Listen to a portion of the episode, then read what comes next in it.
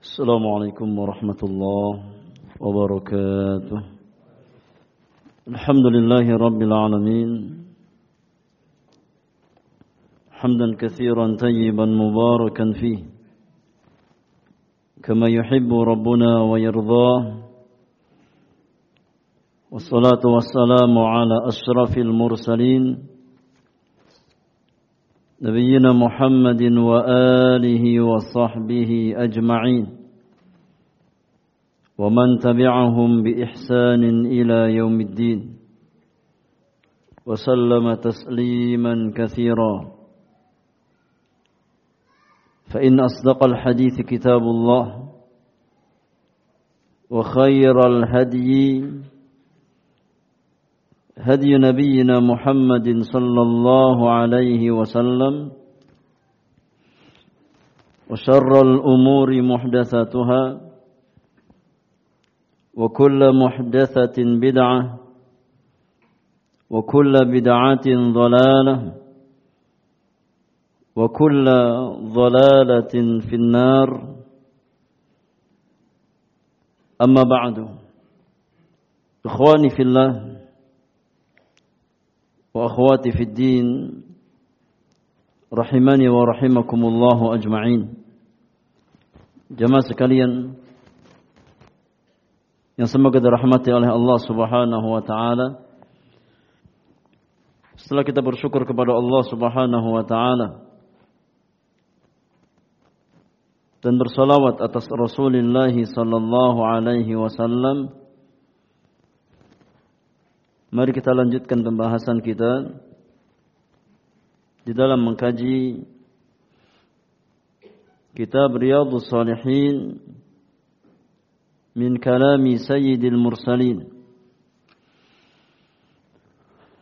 Buah karya al-Imam Muhyiddin Abu Zakaria Yahya bin Sharaf An-Nawawi Al-Syafi'i Ad-Dimashqi rahmatullahi taala alaihi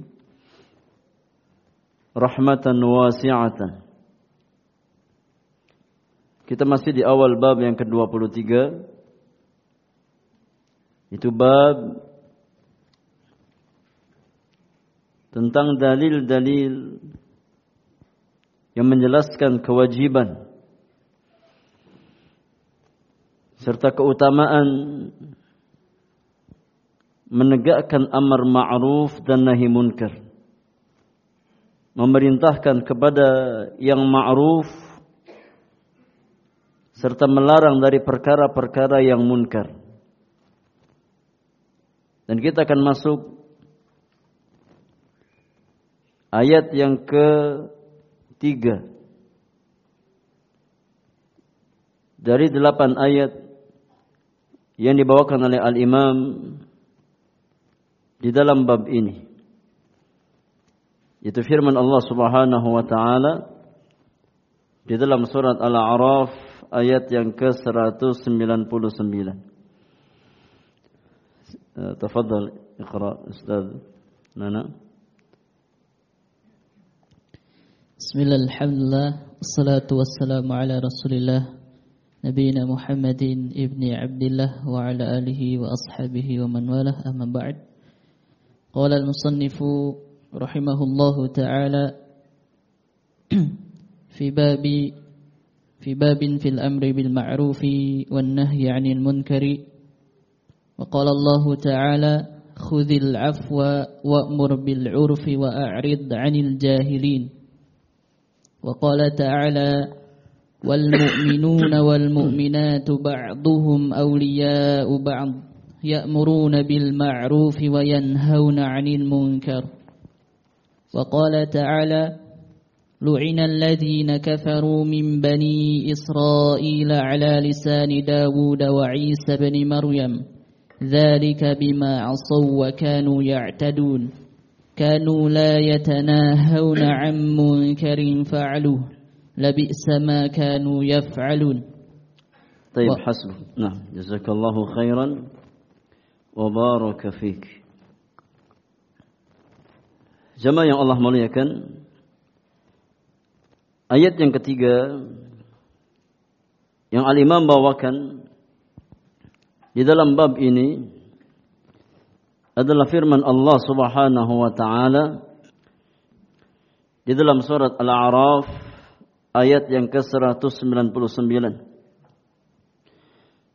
Kata penulis wa qala ta'ala Khudhil afwa wa'mur bil 'urfi wa a'rid 'anil jahilin. Jadilah pemaaf. Jadilah orang yang pemaaf. Yang mudah memaafkan kesalahan orang lain. Wa'mur bil 'urfi. Dan perintahkan manusia untuk mengerjakan yang ma'ruf. Dan wa a'rid 'anil jahilin jangan pedulikan orang-orang yang bodoh. Atau berpalinglah dari orang-orang yang yang bodoh.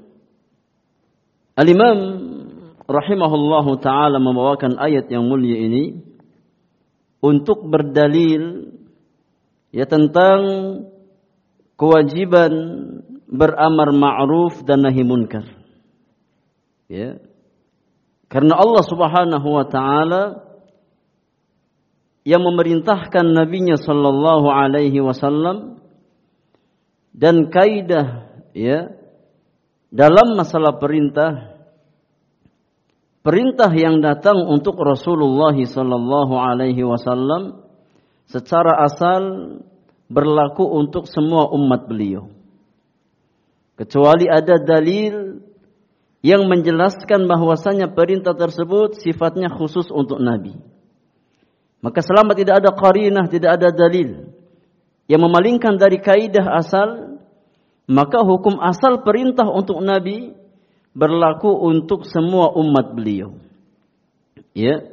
Di sini Allah Subhanahu wa taala memerintahkan nabinya sallallahu alaihi wasallam dengan tiga perintah.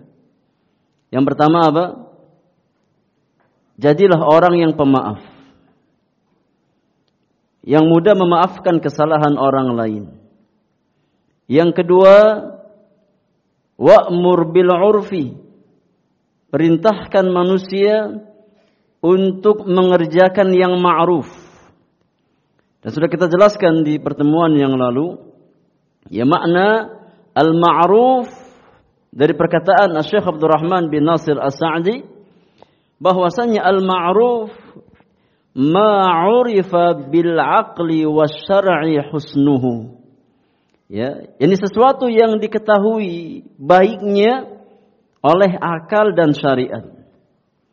Ya, sesuatu yang dinilai baik oleh akal yang sehat dan syariat. Itu ya perkara yang yang ma'ruf. Kemudian perintah yang ketiga yang Allah perintahkan nabinya sallallahu alaihi wasallam wa a'rid 'anil jahilin dan jangan pedulikan orang-orang yang bodoh ya jangan membalas kebodohan mereka dengan kebodohan pula Al-Imam Al-Baghawi rahimahullahu taala di dalam tafsirnya menukilkan perkataan Ja'far As-Sadiq rahimahullahu taala. Ya. Di mana Ja'far As-Sadiq berkata menafsirkan ayat di atas kata Ja'far As-Sadiq rahimahullah amara Allah nabiyahu bimakarimil akhlaq pada ayat tersebut Allah Subhanahu wa taala memerintahkan nabinya dengan akhlak-akhlak yang mulia.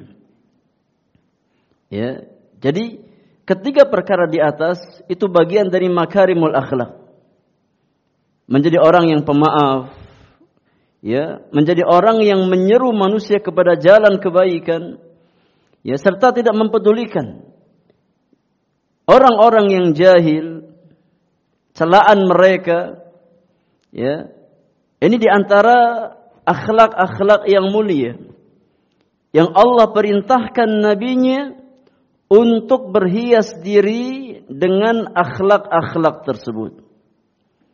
Kemudian kata Ja'far As-Sadiq, "Walaysa fil Qur'ani ayatun ajma' limakarimil akhlaq min hadhihi al-ayah." Dan tidak ada ayat dalam Al-Qur'an ya yang lebih yakni universal dalam menjelaskan akhlak daripada ayat di atas. Ini maknanya kata beliau bahwasannya Al-A'raf 199 ini ayat ya yang menjelaskan tentang akhlak-akhlak yang mulia.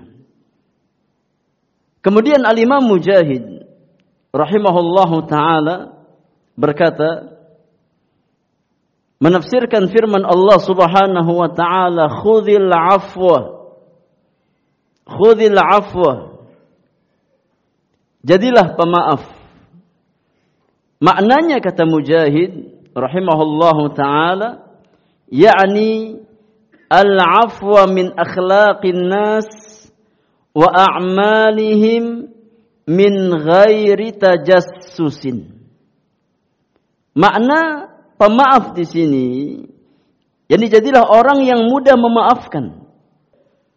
Akhlak-akhlak manusia. Tatkala kita harus bermuamalah dengan manusia. Ya. Tatkala ada kekurangan dalam muamalah mereka, maka jadilah orang yang mudah memaafkan kesalahan orang lain. Wa a'malihim dan juga jadilah orang yang mudah memaafkan yakni amalan-amalan orang lain min ghairi tajassus dengan tanpa tajassus. Apa itu tajassus? Berusaha untuk yakni mengawasi atau mencari tahu ya tentang aib-aib manusia. Itu namanya apa tajassus. Ya, seperti intel. Ya, berusaha untuk mengawasi dan mencari-cari kesalahan orang lain. Ya, jadilah orang yang mudah memaafkan kesalahan manusia dan gak usah mencari, ini mencari-cari kesalahan mereka.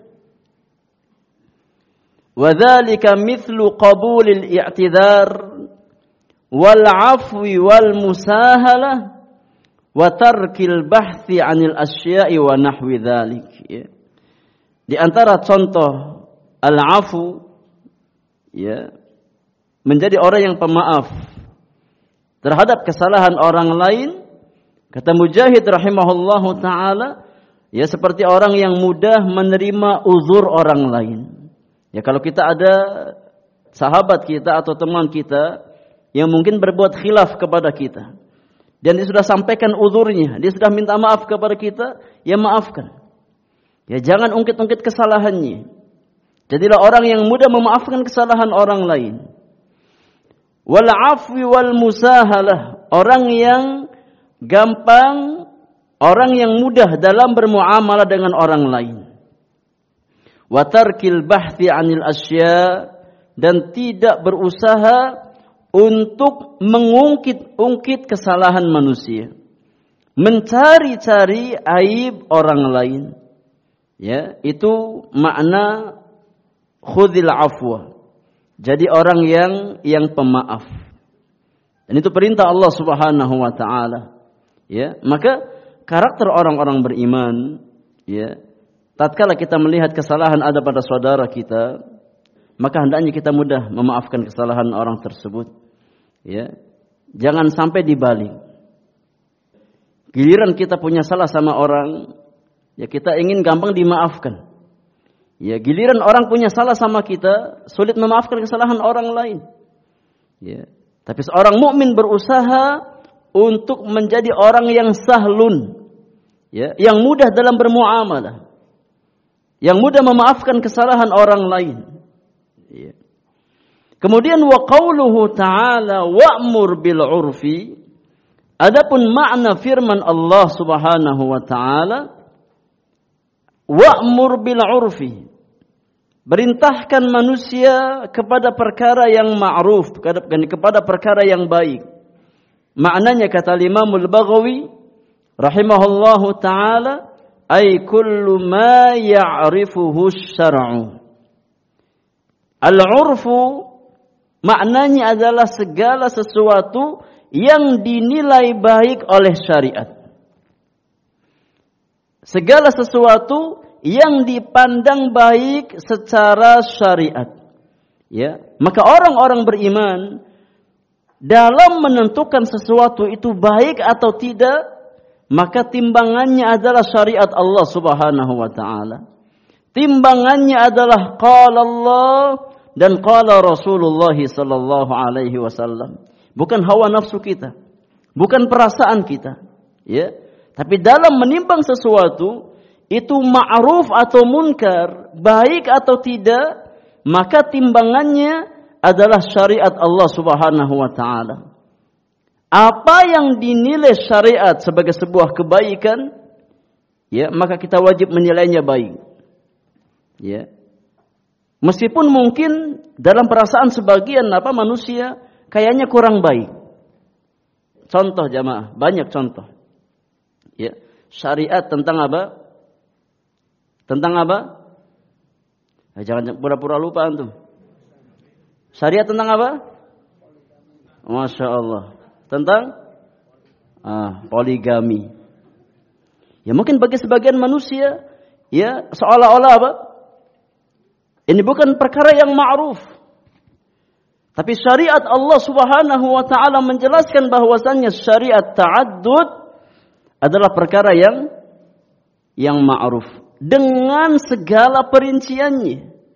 Ya, tatkala kita memang bisa berbuat adil, ya. Kita punya kemampuan dan kita bisa berbuat adil. Maka itu bagian dari syariat Allah Subhanahu wa taala. Maka apa yang Allah Subhanahu wa taala nilai baik, kita wajib menilai sebagai satu kebaikan, sebagai perkara yang ma'ruf.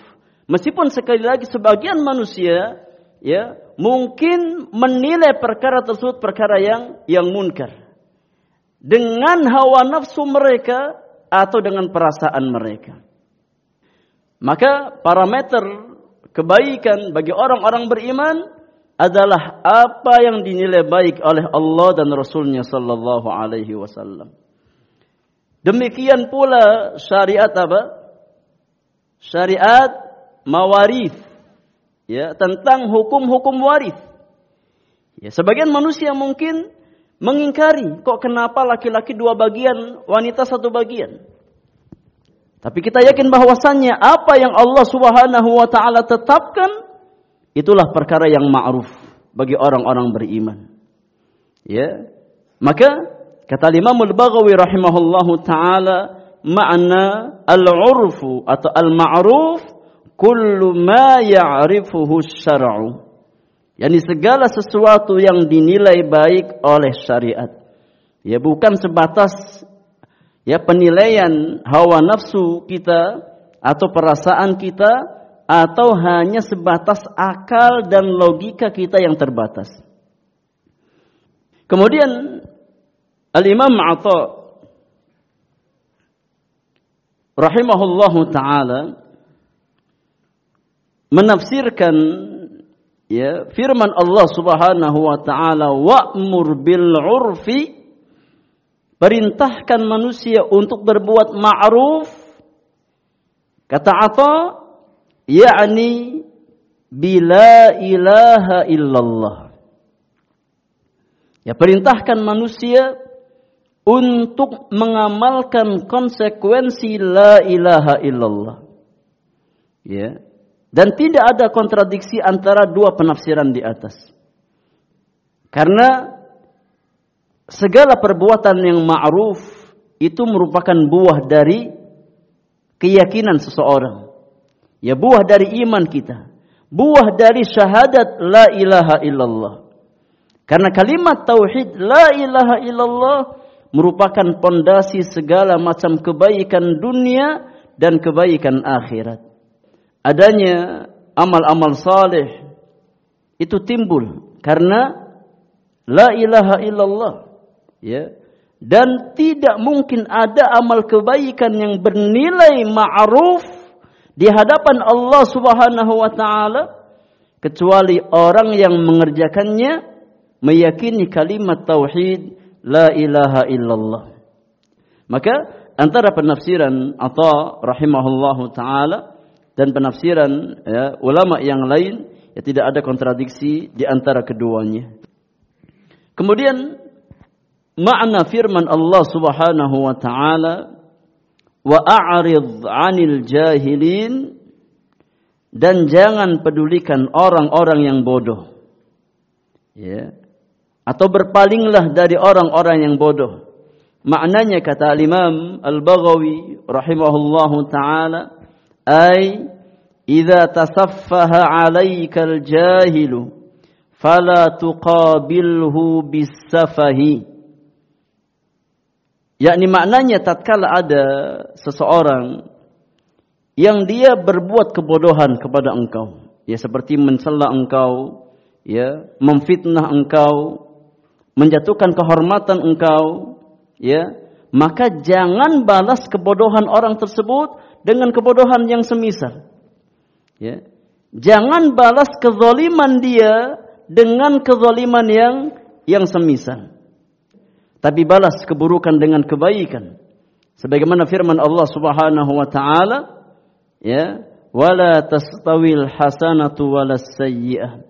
Idfa' billati hiya ahsan. Ya. Tidak akan sama antara keburukan dengan kebaikan. Tidak akan sama antara kezaliman ya dengan perbuatan ihsan. Tidak akan sama nilainya di hadapan Allah Subhanahu wa taala. Maka tolak keburukan tersebut dengan perbuatan ihsan. Ya. Balas keburukan orang lain dengan perbuatan baik yang bisa Anda lakukan. Fa idzal ladzi bainaka wa bainahu adawatun ka'annahu waliyyun hamim ya maka tatkala seseorang mampu membalas keburukan orang lain dengan kebaikan ya maka bisa jadi yang awalnya kebencian akan menjadi apa rasa cinta ya tatkala kita berusaha bersabar dan bersabar untuk membalas keburukan orang lain dengan kebaikan yang bisa kita usahakan ya bisa jadi yang awalnya benci akan cinta kepada kita. Nah, ini di antara makna perkataan al-Imam Muhammad bin Idris Asy-Syafi'i rahmatullahi taala alaihi. Ya tatkala beliau mengatakan ahsin ilan nasi tasta'bid qulubahum berbuat ihsanlah kepada manusia. Berbuat baiklah kepada manusia. Seburuk apa pun akhlaknya, seburuk apa pun perangainya, berbuat ihsanlah kepada manusia. Ya, niscaya engkau akan menguasai hati-hati mereka. Engkau mampu apa? yakni menguasai hati-hati mereka. Fakullama sta'badal insana ihsanu. Karena sesuatu yang paling mampu ya yakni menarik simpati manusia menarik hati manusia adalah perbuatan ihsan. Ya. Orang itu seburuk apa pun, ya, kalau seandainya kita berbuat baik kepada dia, ya, meskipun dia tidak balas kebaikan kepada kita, minimal kita selamat dari keburukannya. Ini kaidah. Ya, orang seburuk apa pun, kalau seandainya kita apa berusaha berbuat baik kepada dia, ya, meskipun dia tidak membalas kebaikan kita, paling tidak dia akan ya menjaga keburukannya untuk sampai kepada kita. Ya. Ini pentingnya berbuat ihsan. Ya. Dan ini di antara kaidah agama. Makanya ada prinsip apa? Ta'liful qulub di dalam agama kita.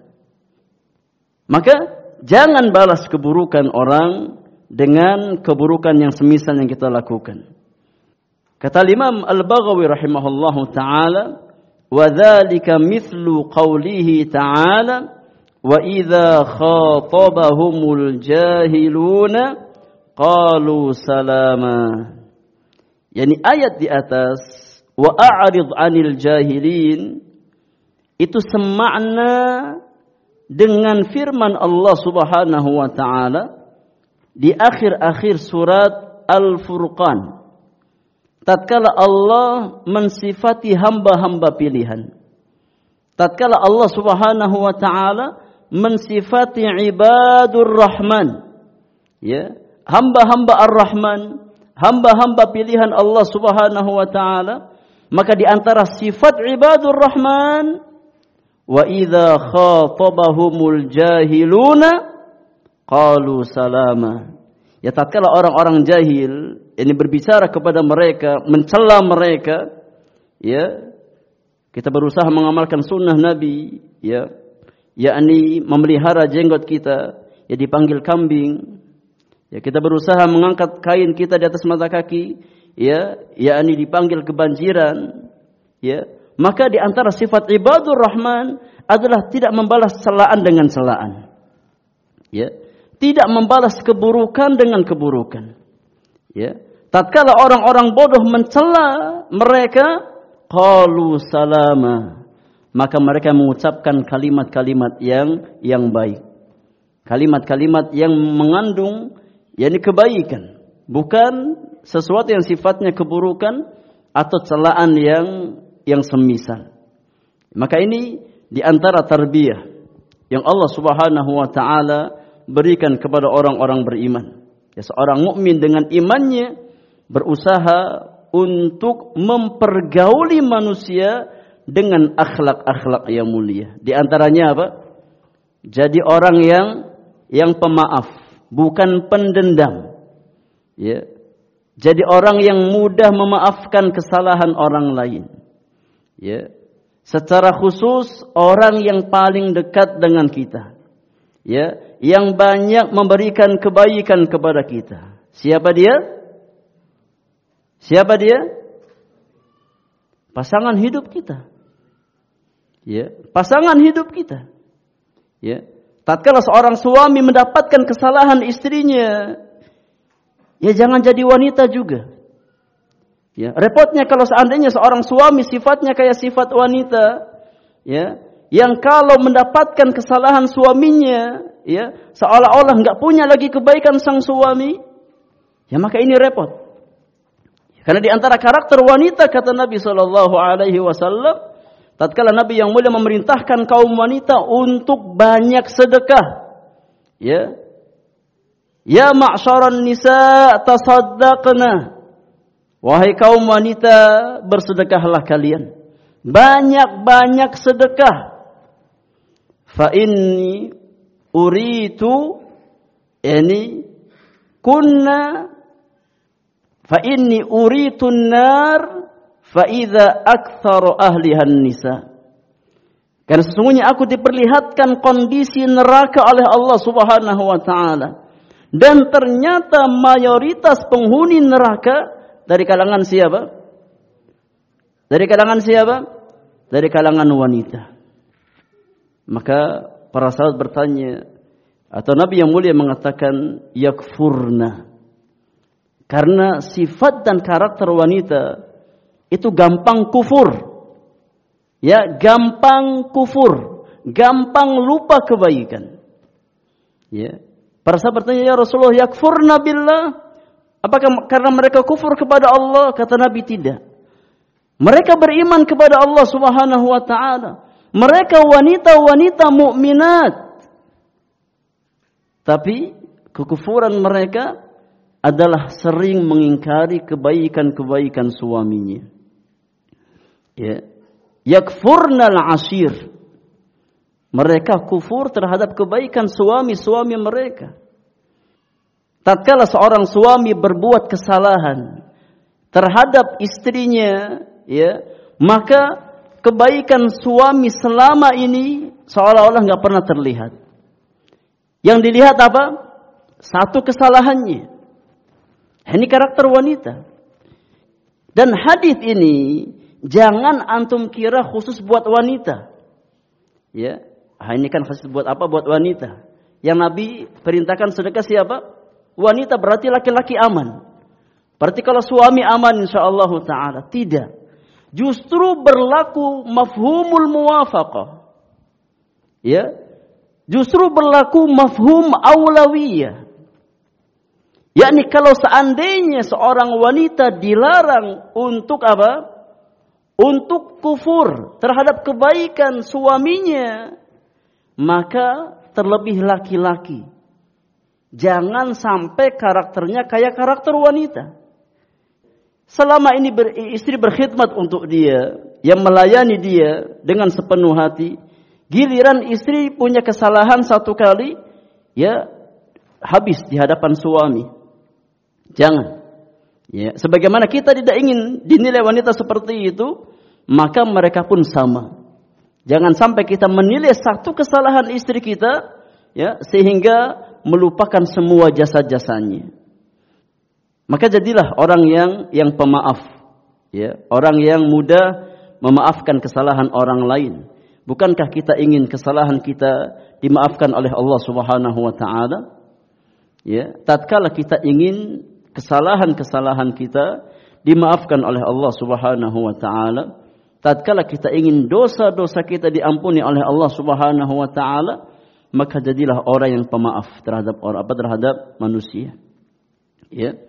Rasulullah sallallahu alaihi wasallam bersabda, "Irhamu man fil ardi yarhamkum man fis sama." Irhamu man fil ardi yarhamkum man fis sama. Rahmati, kasihani yang ada di bumi, niscaya zat yang ada di langit akan menyayangi kalian. Ya maka tatkala kita menjadi orang yang pemaaf terhadap kesalahan orang lain, Allah Subhanahu wa taala akan mudah memaafkan dan mengampuni dosa-dosa kita. Dan ini di antara karakter yang diajarkan dan dipraktekkan secara langsung oleh Nabi kita yang mulia alaihi salatu wassalam. Karakter pemaaf, ya, itu karakter yang luar biasa. Makanya Allah katakan, ya, wa ma illa alladzina sabaru wa ma yulaqaha illa dzu hazzin azim. Tidak ada yang mampu untuk berperangai dengan perangai yang baik di atas, membalas keburukan dengan kebaikan, mudah memaafkan kesalahan orang lain, ya, tidak ada yang sanggup untuk mengamalkannya illalladzina sabaru kecuali orang yang diberikan kesabaran oleh Allah Subhanahu wa taala. Ya. Maka sabar itu luar biasa jamaah yang Allah muliakan. Tatkala kita diberikan nikmat sabar oleh Allah Subhanahu wa taala, itu tandanya kita diinginkan kebaikan yang besar oleh Allah Subhanahu wa taala. Wa ma illa dzu azim. Dan tidak ada yang bisa mengamalkannya ya kecuali orang yang diberikan bagian yang sangat besar oleh Allah Subhanahu wa taala. Maka pemaaf adalah akhlak dan perangai para nabi dan rasul. Ya, pemaaf adalah karakter dan akhlak para nabi dan rasul. Lihat kisah Nabi Yusuf jemaah. Kisah Nabi Yusuf. Ya, yang dikhianati oleh saudara-saudaranya. Ya, dibuang ke sumur, ya Kemudian tatkala Nabi Yusuf alaihi salam ya diberikan yakni keutamaan oleh Allah Subhanahu wa taala ya di negeri Mesir ya tatkala saudara-saudaranya datang di hadapan Nabi Yusuf alaihi salam ya maka dengan serta merta Nabi Yusuf memaafkan kesalahan mereka. Maka akhlak pemaaf adalah akhlak para nabi dan rasul Rasulullah sallallahu alaihi wasallam pada peristiwa penaklukan kota Makkah, Fathu Makkah. Ya.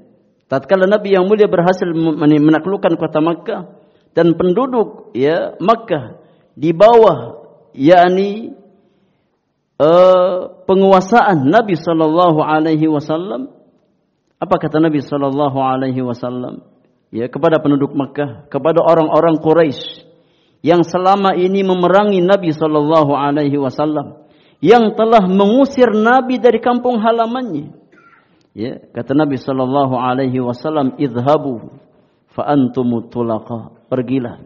Ya, kalian bebas. Ya, tidak ada yang yakni apa akan menahan kalian. Kalian bebas. Nabi yang mulia memaafkan mereka.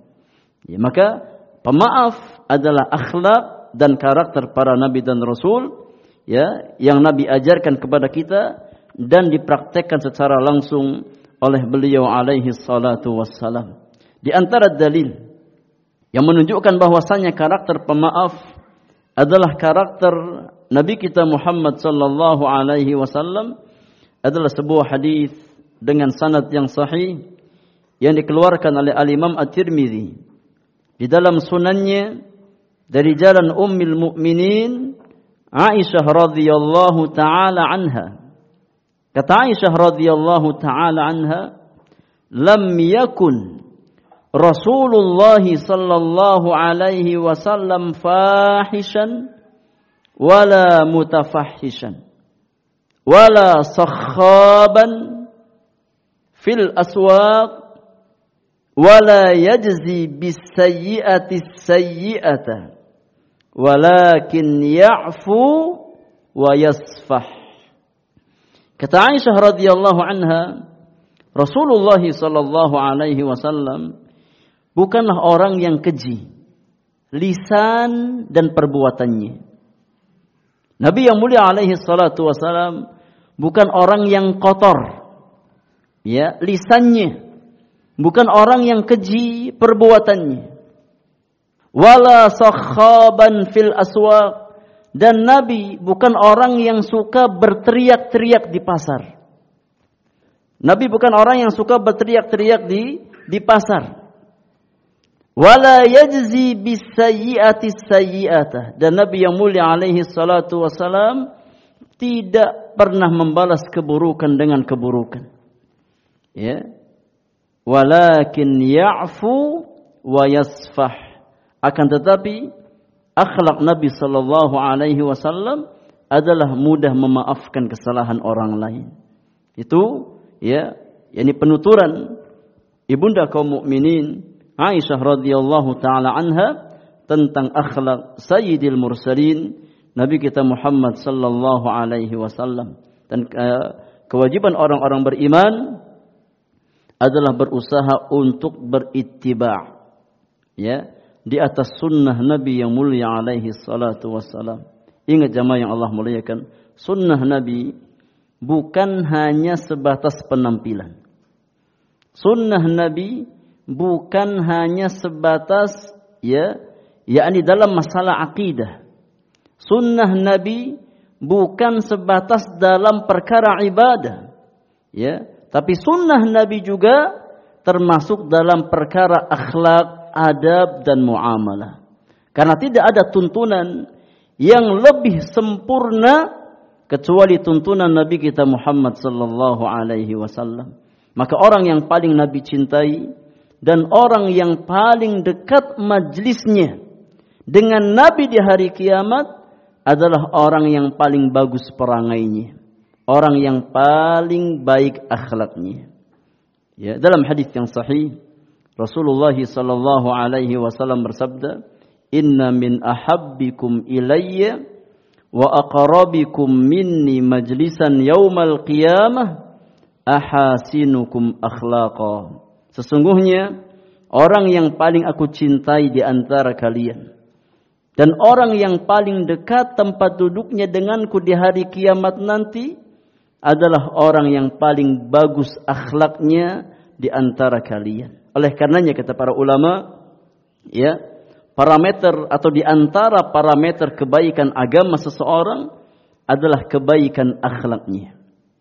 Ya, di antara parameter kualitas agama seseorang, ya kita lihat kualitas akhlak orang tersebut.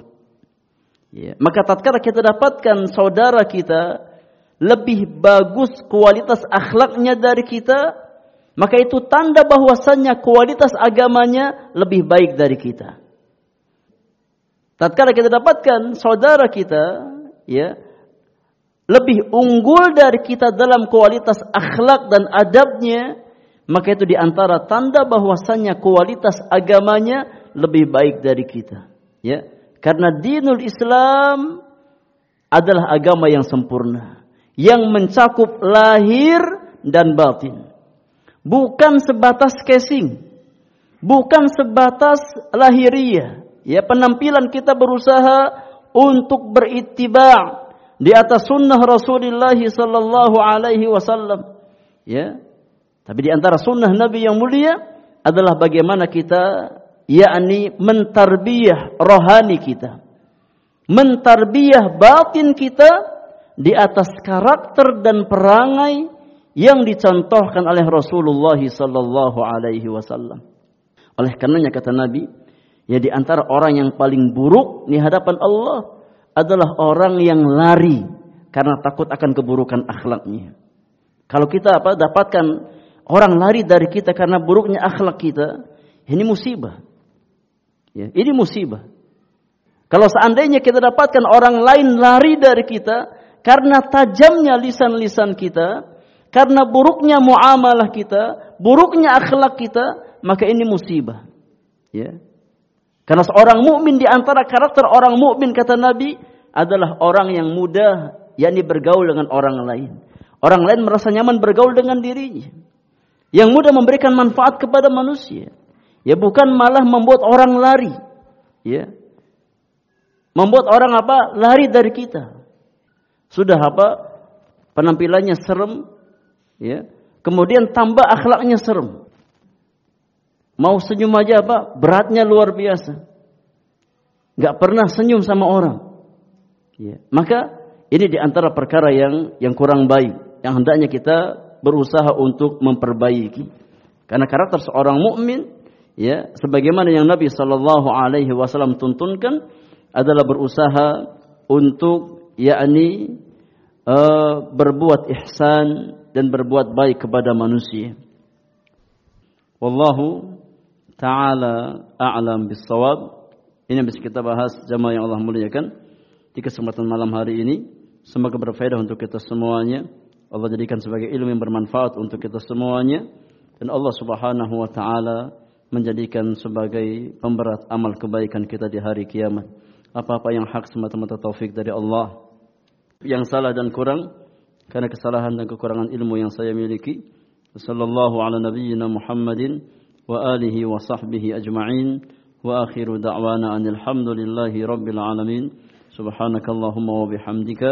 Asyhadu an la ilaha illa anta. Astaghfiruka atubu ilaik. Assalamualaikum warahmatullahi wabarakatuh.